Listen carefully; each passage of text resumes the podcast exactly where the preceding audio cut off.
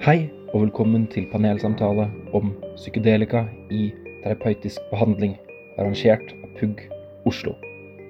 De siste 20 årene så har forskning på psykedelika i terapi skutt i været. Anerkjente institusjoner som Johns Hopkins i USA, Imperial College i London og flere med dem har opprettet forskningsgrupper og fått lovende resultater. Forskere og terapeuter snakker om at psykedelika kan behandle PTSD, depresjon, rusavhengighet og annet vi mangler metoder for å behandle effektivt i dag. Men er vi sikre på disse resultatene? Er det gjort nok forskning? Og er det virkelig belegg for å tro at psykedelika kan revolusjonere hvordan vi behandler mentale lidelser? Dette er de spørsmålene vi skal ta opp i denne samtalen, og jeg håper du får like mye ut av den som jeg har fått.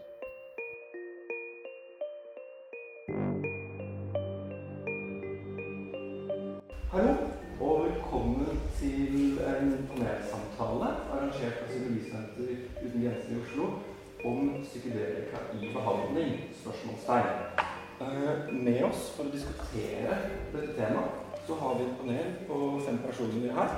Og det opplever vi en litt givende diskusjon. For psykedelika er jo et uh, ulovlig rusmiddel som har blitt forsket mye på i nyere tid. Og noen snakker om at det kanskje kan til og med brukes i behandling. Noen snakker om at det kan gi en endret bevissthetsoppfattelse. Og det skal vi utforske, spesielt med fokus på behandling. Så de vi har med oss for å introdusere denne diskusjonen, det er Andreas Wahl Blomkitz, som er lege og har skrevet bok 'Ulovlige rusmidler' om dette temaet. Så har vi Kristoffer Andersen, som er psykolog og jobber bl.a. med forskningsprosjekt med MDMA eh, til bruk mot depresjon. Og så har vi Willy Pedersen, professor i sosiologi her på UiO, som skrevet flere artikler om psykedelika som en transformativ opplevelse, bl.a. Så har vi professor Eivind Utstrøm, som er professor i psykologi. Det er flere fag jeg har hatt han i her på instituttet. Og så har vi Helge Wahl, som er professor eremitus i psykiatri, og som bl.a. var med på Modum Bad, som er oppstarten til psykedelika på 1960-tallet omtrent. Så jeg tenker vi starter denne diskusjonen med bare det store spørsmålet hva er psykedelika, og hvordan kan det eventuelt bli brukt i behandling, hvordan påvirker det mennesker? Um, hva syns du om det, Kristoffer? Ja, men bra, bra start.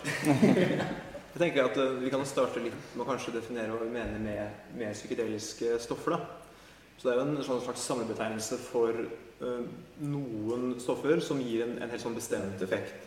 Så Én definisjon av det som jeg liker litt, er å definere det ut ifra litt sånn hvordan de virker farmakologisk i hjernen. For å avgrense litt hvilke konkrete stoffer i hvert fall uh, jeg kommer til å snakke litt om i dag, og som jeg regner med at det er det vi alle kommer til å snakke mest om. da. Så hvis man tenker på psykedeliske stoffer, så går det an å bruke også begrepet mer sånn klassiske serotonergiske psykedeliske stoffer. Og det er spesielt fire stoffer vi snakker om da. Det er LSD, eller som også kalles for syre. Det er psilocybin, som er virkestoffet i fleinsopp, eller magic mushrooms. Og det er DMT, altså dimethyltryptamin, som er virkestoffet bl.a. i et brygg som heter ayahuasca, som brukes bl.a. i Sør-Amerika, Peru, litt sånne religiøse uh, settinger. Um, og det er også det siste, da, som er meskalin, som er uh, fra Cactus San Pedro, som også har en sånn Alle til felles da, de fire stoffene virker på serotonin 2A-reseptoren og gir en sånn veldig endra sanseopplevelse. Det kan gi for noen hallusinasjoner, både syns- og hørselshallusinasjoner.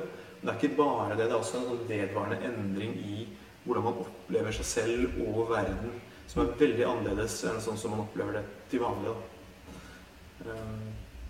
ja, så Det er liksom i hvert fall en betegnelse jeg liker å bruke litt om psykedelika. Jeg tenker at det er de, de stoffene vi skal snakke om i dag også, så vi kan også bruke den litt. Er det en sånn spesiell grunn til at du ikke tar MDMA inn i psykedelika? Det er jo mange som inkluderer MDMA i den betegnelsen. Ehm, men eh, det er også god grunn til å holde det utenfor.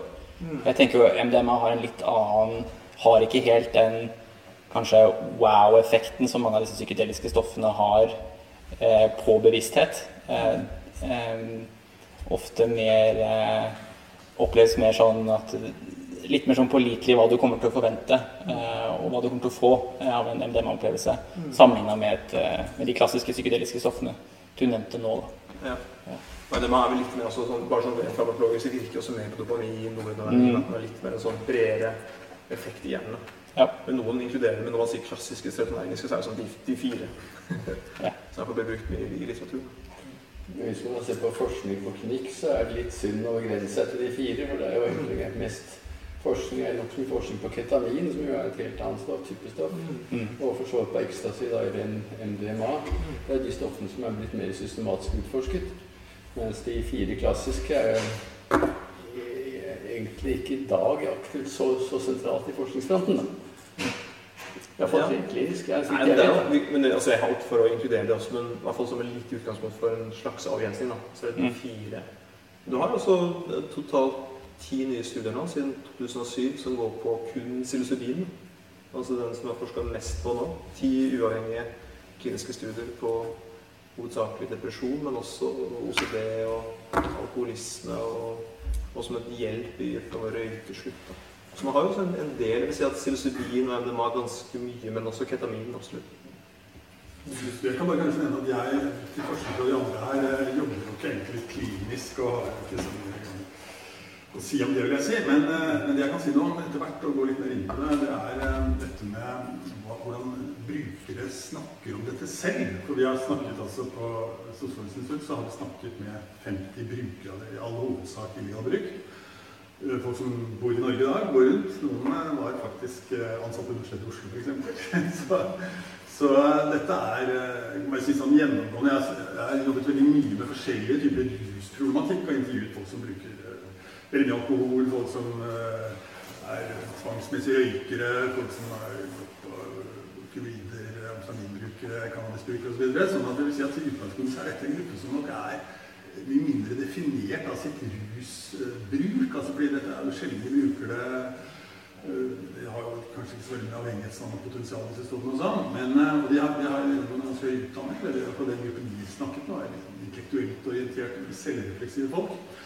Men det de gjennomgående sa, var at øh, det er da primært de som nevnte, som er liksom regnes i deres verden for egentlig psykedeliske.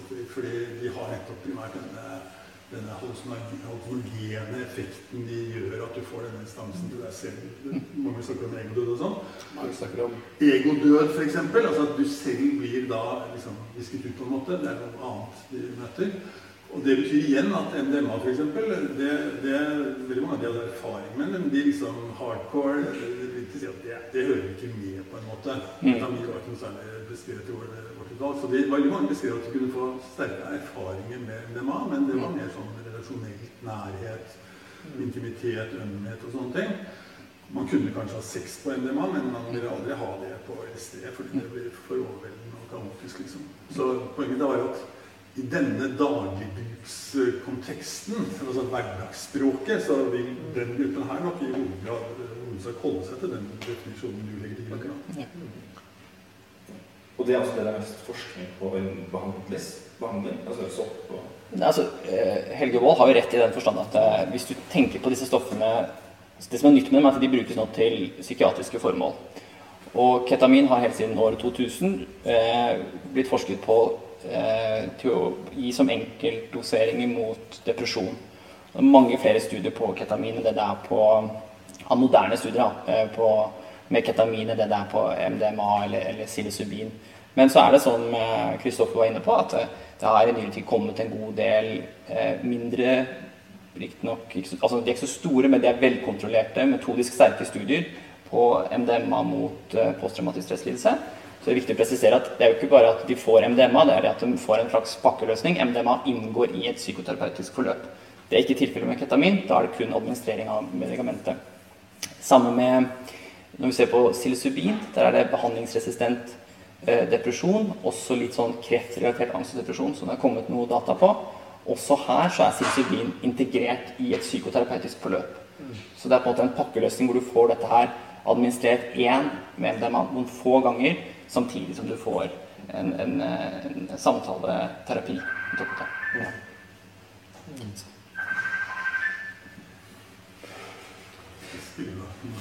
Kanskje jeg skulle presisere ditt utgangspunkt.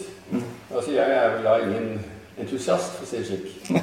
Eh, men jeg er en positiv skeptiker. Ja. La oss si at jeg har vært behandler innenfor rusfeltet siden 1968. Og for så vidt også før det. Jeg har ikke vært på Modum det var kanskje helt riktig. men eh, og har hatt uh, ulike pasientpopulasjoner gjennom årene. Og mange av dem har brukt flere av disse stoffene. Og med mange, noen med nokså sterke selvvurderinger av hva de har gjort med dem eller ikke. Dette er ofte selvvurdering som er vanskelig å spore i atferd, og også vanskelig å spore i, i endret symptomatologi. Så det gjør at man er selvfølgelig av og til føler at det er litt, litt kontrast mellom veldig sterke påstander om hvor viktig og hvor nyttig og hvor fine en del av disse medikamentene er, og samtidig hvor relativt lite av det som har holdt seg over tid. Nå er det klart, her er, står vi litt vanskelig til, fordi eh, den forskningen som ble gjort på 60-tallet og på 70-tallet, da jeg for så vidt var mest aktiv på den tiden, den ble jo veldig kneblet av den sterke ting er krigen mot, mot narkotika som feier over fra Amerika over hele verden. Og så kneblet ganske mye forskning, og for så vidt også gjorde behandlingserfaringer ugyldige. Og også Karl Evang, som jo var norsk leder av norsk helsevesen, han var veldig kritisk til alle de som drev med bruk av ulike former for psykedelika bare særlig LSD. Liksom Modum Bad, men også en del andre psykiatriske institusjoner, og ikke minst da på Statlig klinikk for narkomane, hvor jeg arbeidet en stund. Eh, og jeg vil nok si at det var ikke bare Karl Johan, det var også en litt økende skepsis eller skuffelse over behandlingsresultatene, som følte at man i grunnen trakk seg noe tilbake fra det. Og særlig på Statens klinikk for narkomane over land så var det en skrift på en stykke 20 stykker eller noe slikt. Jeg snakket med en del av dem kom jo tilbake mens jeg jobbet der. Og deres beskrivelser av hva det var nytteverdien, var eh, nokså usikker. Og det var også en del, ja, noe selvmord blant dem. slik at, at klinikken ble vel egentlig skremt av, av, ja, av situasjonen og, og, sluttet med det. Og sånn sett så er det lov å si at jeg har sett, eh, sett litteraturen fra, fra, fra, de store entusiastene, fra Aldous Huxley og videre. Mange av de som har hatt en eller annen form for filosofisk tilknytning til særlig til indianerstammen i, i Sør-Amerika. Og som romantiserer veldig hvor nyttig og fint og flott det har vært, og hvor vise man blir av det. Og så, det, så, går det litt tid, og så uh, blir man kanskje ikke så forandret allikevel.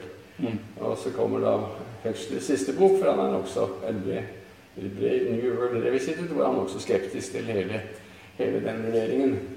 Og trodde ikke lenger at dette var verdens frelse, som noen trodde en stund. da. Nå står vi altså for å I dag er jo krigen mot narkotika slutt. For alt praktiske formål så er den eh, lagt på hylla. Og det er lov i dag å si at vi vil gjerne vite og undersøke ordentlig. Og da kommer en del av disse halsbryggende stoffene som ble stemplet som narkotika, eller som er illegale rusmidler. Så da skal vi si det er sant nok på en måte, men det er også usant på andre måter, mange måter. slik at det er, at det er eh, I dag syns jeg det må være helt legitimt å si at hvis finnes det dokumentasjon som er holdbar, så tar vi det selvsagt i bruk, på, ja, særlig for intraktable eller vanskelige tilstander. Ja, for meg er det kanskje særlig depresjoner og, og tunge PTSD-er som står, står, mest til, til hogs, del til dags. Men det har også vært noen ganske gode studier i sin tid iallfall på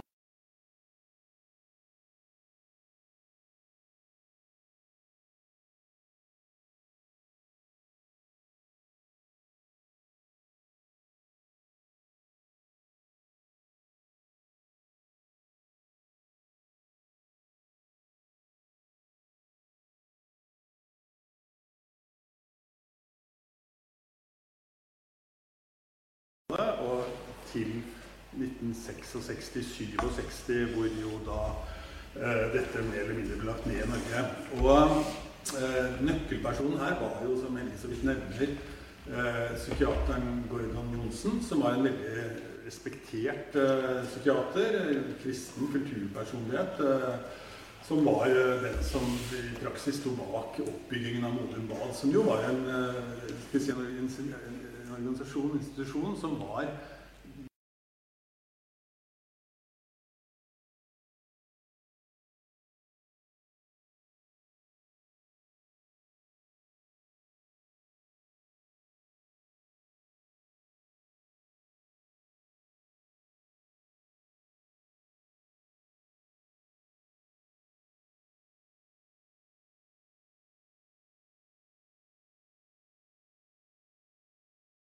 som han eh, skriver om i drømmetydningen sin. Eh, og man måtte da gjennom motstand for å komme inn i denne relasjonen. I en psykoanalytisk eller form for modifisert psykodynamisk behandling.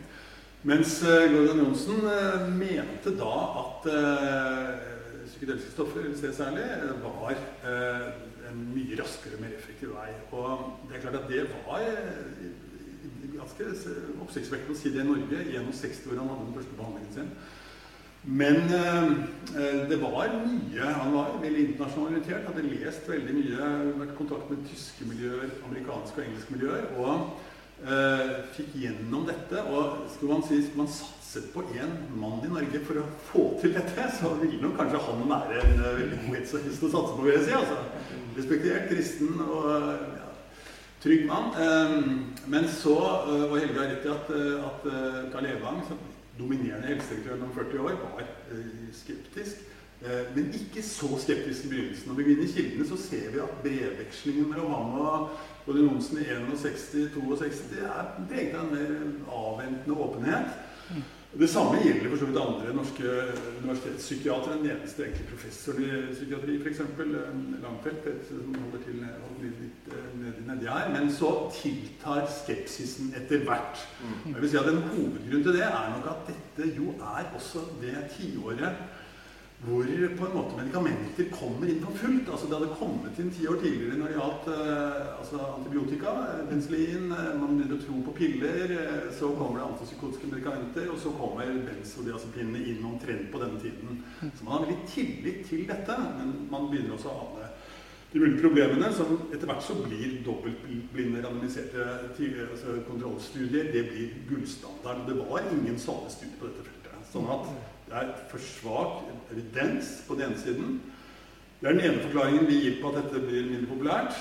Eh, og den andre forklaringen er rett og slett at hippiene kommer og setter seg i Slottsparken og bruker dette stoffet sammen med cannabis f.eks. Det er to mekanismer som ligger under, sånn som jeg ser det, til at dette faller ut av eh, liksom, eh, bruk på Modum.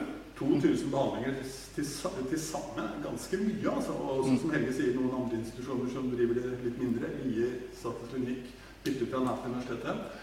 Eh, Men det fader altså ut, og, det, og bakteppet med at hippiene er så provoserende, er selvfølgelig det som Helge sier, at dette er også krigen mot narkotika, som i høy grad handler om denne gruppen. Provoserende folk som setter seg nede på foran Kongens slott. Mellom Kongens slott og Det juridiske fakultetet ved Universitetet i Oslo så sitter disse og tripper, og noen reiser til India osv. Veldig provoserende mot det etterkrigssosialdemokratiske Norge, basert på helt andre verdier. Så jeg tror det er disse mekanismene som gjør at dette da uh, fader ut, og at det så først dukker opp igjen 30-40 år senere. Fordi altså, Du nevnte det med verdens frelse, ikke sant? Og det, det er på en måte kanskje utgangspunktet til noen altså, når det gjelder da, altså disse legemidlene.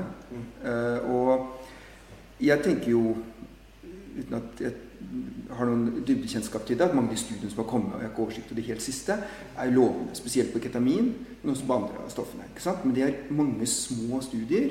Og det blir interessant å se i fremtiden om f.eks. For fordelingen av disse studiene er sånn som vi ser noen ganger, at de stopper ved null. ikke sant? At du har bare halve samplingfordelingen. Slik at det er en sånn file drawer-problem. ikke sant? Og det, det, det vet vi ikke. Så det kan være at alle har publisert sine negative funn, og det er kjempefint. Eller så er det at det er en seleksjon mot å publisere de positive funnene. Og det som da, dette med verdens frelse, så Jeg ramlet litt inn i det. Jeg husker med Studentavisa Trondheim var noen som viste fram på jobben. Og Der så jeg at uh, der var det da no- noen som drev denne Emma Sofia, som var sånn at alle burde ta ecstasy. Eller altså, det var på en måte en sånn slags Det var sunt for folkehelsen. Ikke sant? Og, og det, jeg tror ikke at det er vanlig å mene, men noen mener det. Og det er et samrøre mellom det å ønske at alle burde ta det, det er sunt for alle å ta det, og det å tenke på de stakkars psykisk syke. Og det provoserer jo meg som psykolog. Ikke sant? Og dette gjelder jo rusreformen for den saks skyld. Altså jeg, jeg kan være veldig for rusreformen, men jeg blir provosert når jeg ser at folk som det, det er litt sånn som de som plutselig ble for Oslos grønne lunger da det skulle bygges amerikansk ambassade i Husbyskogen. Det, folk som aldri ellers hadde gjort, lagt to pinner i kors for grønne områder i Oslo. Men plutselig, når det var deres nabolag, så ble de veldig interessert. Og det kunne man kanskje si her også, at det er ikke kanskje en del folk som ellers ikke har så mye hjerte for samfunnets svake, men plutselig så blir de veldig interessert i de tunge rusmisbrukerne. Og um, her sånn så kan man jo da si at uh, i, i, denne samrøren her så satte jo da litt spørsmål over disse studiene som de hadde gjort osv. Og, så og ba de gjøre nye analyser. Og da de, ble de tvunget til å gjøre en annen analyse. De hadde da først funnet at du hadde mindre sjanse for å være psykiatrisk pasient 20 år seinere etter at du hadde tatt metallosynogen eh, en gang. eller noe sånt. Dette var et slags survey-data. Og så studerte de bare sammenlignet de som hadde gjort det, med de som hadde tatt ingenting. ikke da hvor de hadde justert for alt. Og da kom det til motsatt funn.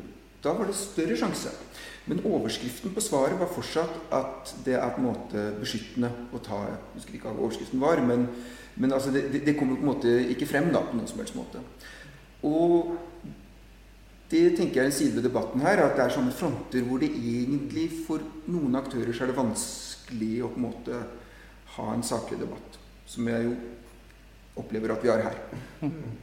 Og um, ja, så, så, så, det er en side av det. Og en annen side er at tenk om det at vi sitter her i dag altså Vi har ikke denne type sammenhenger som de her om f.eks. antibiotika. Ikke sant? Folk er engasjert og snakker om alt mulig sånt. Så det er på en måte en eller annen elefant i rommet her som øh, Hvis du ser også hvordan det slås opp og der er det også et samrøre mellom medisiner som har helt ulik virkning. Som nevnte her med ketamin og disse andre stoffene, som egentlig er ganske ulike stoffer. Men du ser jo på en måte ikke at folk slår opp 'Nå er det ny smertestillende som ikke er avhengighetsskapende.' Kjemper, og så kommer det liksom på Dagbladet. Det gjør jo aldri det. Sånn at um, Det tenker jeg jo her at vi som psykologer da må på en eller annen måte uh, forholde oss til dette. da, altså Hvilken grad er det, er det en eller annen risiko for at vi egentlig kjemper en sak for en slags uh, rusliberalisme? Som jeg tror at de fleste behandlere ikke gjør. Men, men, kunne vi komme til skade for å gjøre det på en eller annen måte uten at vi hadde det som intensjon? Altså, jeg er helt enig i det du sier der. Man kan ta den um, Man kom til fare for å tenke at vi, vi blir brukt til det. En annen tolkning er jo også at det har jo ikke vært noen stor behandlingsrevolusjon innenfor psykiatrien på lang tid. Eh, og industrien i det hele tatt mangler vel egentlig insentiver for å lage gode legemidler for psykiatriske formål som virker kurativt. Eh, det, det er en sånn litt sånn, sånn pervers situasjon hvor at de egentlig tjener mer penger på legemidler som de skal bruke over lang tid. Mm. Eh, og det som kanskje selv om disse stoffene vi snakker om er ganske diverse, altså de virker forskjellige osv., så, videre, så tror jeg noe av fascinasjonen også kommer av at eh, de har vist seg å være effektive i form av å bare gi de én eller to ganger på effektmål tre-seks måneder etterpå. Det er veldig fascinerende. Mm. ikke sant? Vi, vi, har ikke noen andre legemidler vi kan vise til der som, som har den samme type eh, virkemåten, da, for å si det sånn. Mm. Og det tror jeg, jeg tror det kommer noe fascinasjon derfra også. Mm. Eh, rett og slett. Mm. Det gjelder jo kanskje særlig ketamin, ketamin da, sånn sett. når det ja, så det blir jo på en måte litt sånn det, det, Depresjoner er et spesielt felt. Ja. Der bruker man jo også i dag elektrosjokkbehandling. Mm. Helt uten å vite hvorfor, hvordan og hvorfor det virker. Men det virker. Ja. Og her kan man godt si at det er langt mye. Man bruker også elektrostimulering overfor hjernen uten å egentlig vite hva man gjør. Mm. Men det ser ut til å få en, en nokså klar og langvarig antidepressiv effekt for en del pasienter. Man vet ikke ordentlig hvilken, særlig som er særlig dårlige. Mm. Og det er klart at eh, Ketamin kan trekkes inn i den sammenhengen. Det er, det er stimulerende middel på sett og vis. da. Mm. Så eh, ja, øker transmisjonen i en del områder. Og det kan godt sett kanskje det har en, en antidepressiv effekt som vi ikke har oversikt over. Kanskje bryte, bryte tunge depressive tilstander. Vi det, jo til og med registrert et legemiddel per dag. Har sånn ketamins nesespray i USA. Og det ser ut til at, det kan brukes da, sånn sett. Så det er klart at Hvis man kan få, få, den, få det registrert og forsvarlig dokumentert, så vil det antakelig, man skjønner, eh, ikke møte noen voldsom motstand i norsk psykiatri. Da, sånn ja. Men det må også vært slik at det, Og det er det tilbake til denne tendensen til at man deler seg i leire. Det er en del som er veldig for av ulike former for psykedelika. Og for så vidt ikke bare det. Det er også en, en del andre former for rusmidler som da har sine tilhengere. Og som da er ganske høy, høylytte, mange av dem. Mens, og, og det er jo slik at vi, at vi har forskjellige reguleringer. En av reguleringene er som legemiddel. Mm. Og Der har vi en ganske ut, ut, utpenslet måte å vurdere om et middel skal godkjennes som legemiddel eller ikke. Og det kan ikke være slik at fordi de har en ruseffekt, og en del personer liker dem veldig godt, så skal man liksom gå bort fra alle de vanlige forsikrings eh, grundige undersøkelser man krever for å godkjenne et legemiddel. Slik at Forutsetningen her må hele tiden være at det er tilstrekkelig dokumentert både i effekt og i forhold til fravær av alvorlige bivirkninger og ris- ris- risiko av ulik type. Og der er det ikke i dag, er det min vurdering at vi er ikke der i dag. Jeg er enig med det å legge til også det i forhold til at det har vært sånn tendens fra, fra tidlig forskning så inne på det her med ganske sånn unyansert sånn idealisme. da, Om at dette på en måte vil frelse, eller at dette vil redde nesten verden, vil noen hevde òg. Altså, bare fra Harvard med Timothy Leary og Richard Alpert, som var ganske sånn store forskere midt i hippietida, som du også er inne på, da, ville sånn, som også begynner å, å begynne å ta det selv. At de begynte å bruke det selv og begynte å gi det utover studiene. Og det ble et helt vanvittig sammensurium av, av noe som i hvert fall ikke kan kalles forskning. Turn, turn on, tune in and drop Ja, out. nettopp den storyen der. Ja, som også er så tett Nei, ikke bare det, men også en enkelte eh, psykiatere som begynte å bruke tall som ligger sammen med sine pasienter, ikke minst schizofrene pasienter, og til dels kombinerte dette med ulike former for seksuelt samliv eller seksuell utprøving. Mm. Dette har en, vært en, eh, noen ganske stygge ting i, i psykiatriens eller psykoterapiens, eller hva man kaller det for noe, i medisinens historie. Også, dette, dette er jo akkurat sånne ting som sosiologer er veldig interessert i. Fordi, fordi det handler for nettopp om en viss forstand to diskurser. Så det er da på den ene siden Og jeg har intervjuet masse folk eh, om dette, som sagt. Og de er jo veldig sånn eh, brennende tilhengere av dette. Altså, de fikk tak i, var nok da som i hovedsak hadde opplevd og hatt god erfaring med det. Eh, Så alle ville jo selvfølgelig at jeg skulle prøve selv, da, og sånne ting. Og hadde mange muligheter til å hjelpe meg til mulige spennende ting skutt i skauen og alt mulig sånt, liksom. Stevner og saker og ting. Så det var, det var veldig en sånn misjonerende grunntone der på at dette vil funke. Du vil bli lykkeligere osv.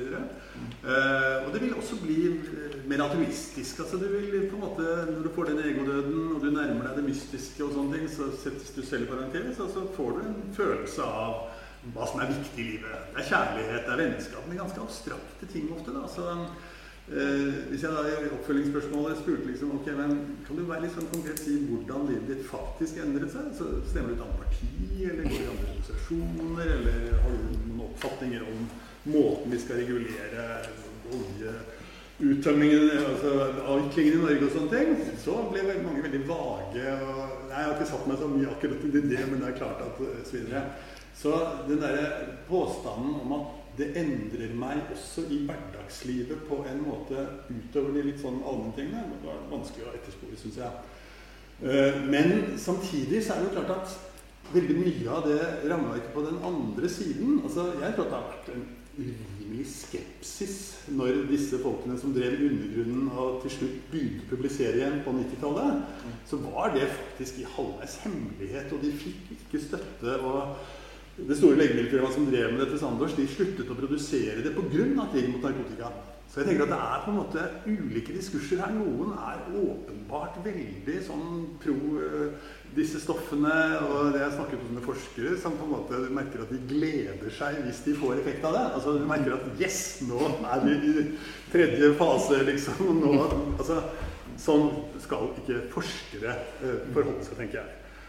Samtidig så er det, altså, det er folk som åpenbart sier at LSD altså Det er klart at det der er noe svindel i det. Altså, sånne ting. Så det er Så jeg tenker at, jeg, jeg tenker at man må ha mange medisinere, folk som kan sånn design, men så trenger du et panel av sosiologer som skal prøve å se på diskursene og hva slags maktforhold det er og sånne ting. Endelig svaret kommer fra sosiologen. her. Jeg mener at De må selvfølgelig kunne fortelle hvordan makten spiller seg ut, og hvordan eh, sånne som Helge Har definert dette 50, 50 år Han har snakket med noen år må, han må snart, snart holde kjeft, er? Nei, vi må se hva du sa, og hva konsekvensene ble. Ja. Sånne ting. Ja, men da, da skal vi gå tilbake til temaet. Temaet er, mm, eh, er det hvor nytte av disse som medikamenter i behandling.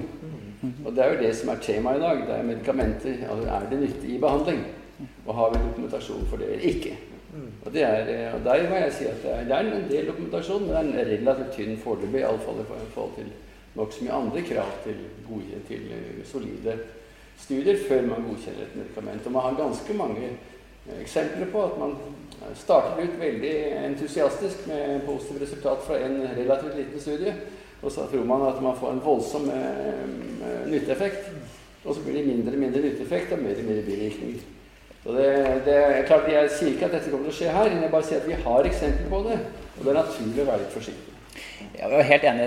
Det er bare det at hvis du hadde hatt et legemiddel som hadde hatt en responsrate i en dobbeltblinda studie seks måneder etterpå på 60-80% av én dose gitt seks måneder tidligere, så ville jeg kanskje også vært like skeptisk som deg. Jeg er fortsatt skeptisk, eh, men, men det er vel nok der jeg tror mange henter også litt nysgjerrighet. da. Fordi har, jeg, jeg kjenner ingen eksempler hvor, hvor lege, industrifinansierte studier har gitt én dose av et eller annet legemiddel på en behandlingsresistent depresjon f.eks. og funnet sånne effektstørrelser så lang tid etterpå. Og det som, Du nevnte dette her med at eh, vi har ikke noen god måte å verifisere disse her, Ja, du sier det, ting går så mye bedre. Men hva mener du egentlig med det? ikke sant? Stemmer du nytt parti? Eller ikke sant? Er, du, snill med moren din nå? Eller ikke sant? Hva, hva er det det går i? da? Og Vi har egentlig ikke gode mål på det, men det vi, det vi har mål på, er at i disse studiene så rapporterer de en bedre livskvalitet på spørreskjemaer. Eh, deres bekjente bekrefter dette, disse observasjonene. Og kanskje enda mer spesielt for MDMA og psilocybin, så har man i personlighetstester sett en endring i personlighet i økt åpenhet. Og jeg kan ikke veldig mye om eh, personlighetsstruktur, og sånne ting, men det, det, så vidt jeg vet, så, så er det ikke lett å endre ens personlighetsstruktur bare på en enkel intervensjon. Mm. Jeg vet jo at det kan skje med alvorlig traume, f.eks., men, men det kan kanskje være med å forklare eh, noe av effekten. da. Ja, altså det er jo helt tatt sjelden å endre den type personlighetstrekk i hele tatt. I hvert fall over lang tid. eh, ikke sant? Mer sånn syklisk, som liksom aksjekursen går litt opp og ned. Eh, jeg tror kanskje noe som er Og det er imponerende. Jeg er helt enig, og jeg ser klart at det er ikke noe insentiv for å ha det legemiddelet, fordi det er bedre å holde folk på tid. Um, men litt som du nevnte her med disse studiene som var problemet også den gangen, at hvordan faker man Altså hvordan gir du en Mhm. placebo-LSD-opplevelse? Det tenker jeg er liksom et slags sånn hovedproblemer da, for å, å studere det. Og det, da har det jo, det var jeg så hadde man jo prøvd å gi noe litt andre ting, men også vært foreslått i lavdose LSD versus høydose LSD. Eller så, ikke sant, og, sånt. Men det tenker jeg jo Denne forventningen er en ting. Og så lurer jeg jo litt på altså dette med Hva er teorien bak? Altså Selv om ketamin er liksom en teori, men hva er teorien her om disse opplevelsene? For da lurer jeg på innfallsporten vi har hatt her. altså at det, Hvem begynte å ta det? Og hva skjer hvis jeg hadde gitt LSD til en gjeng med bygningsarbeidere? Ville blitt like interessert i naturvern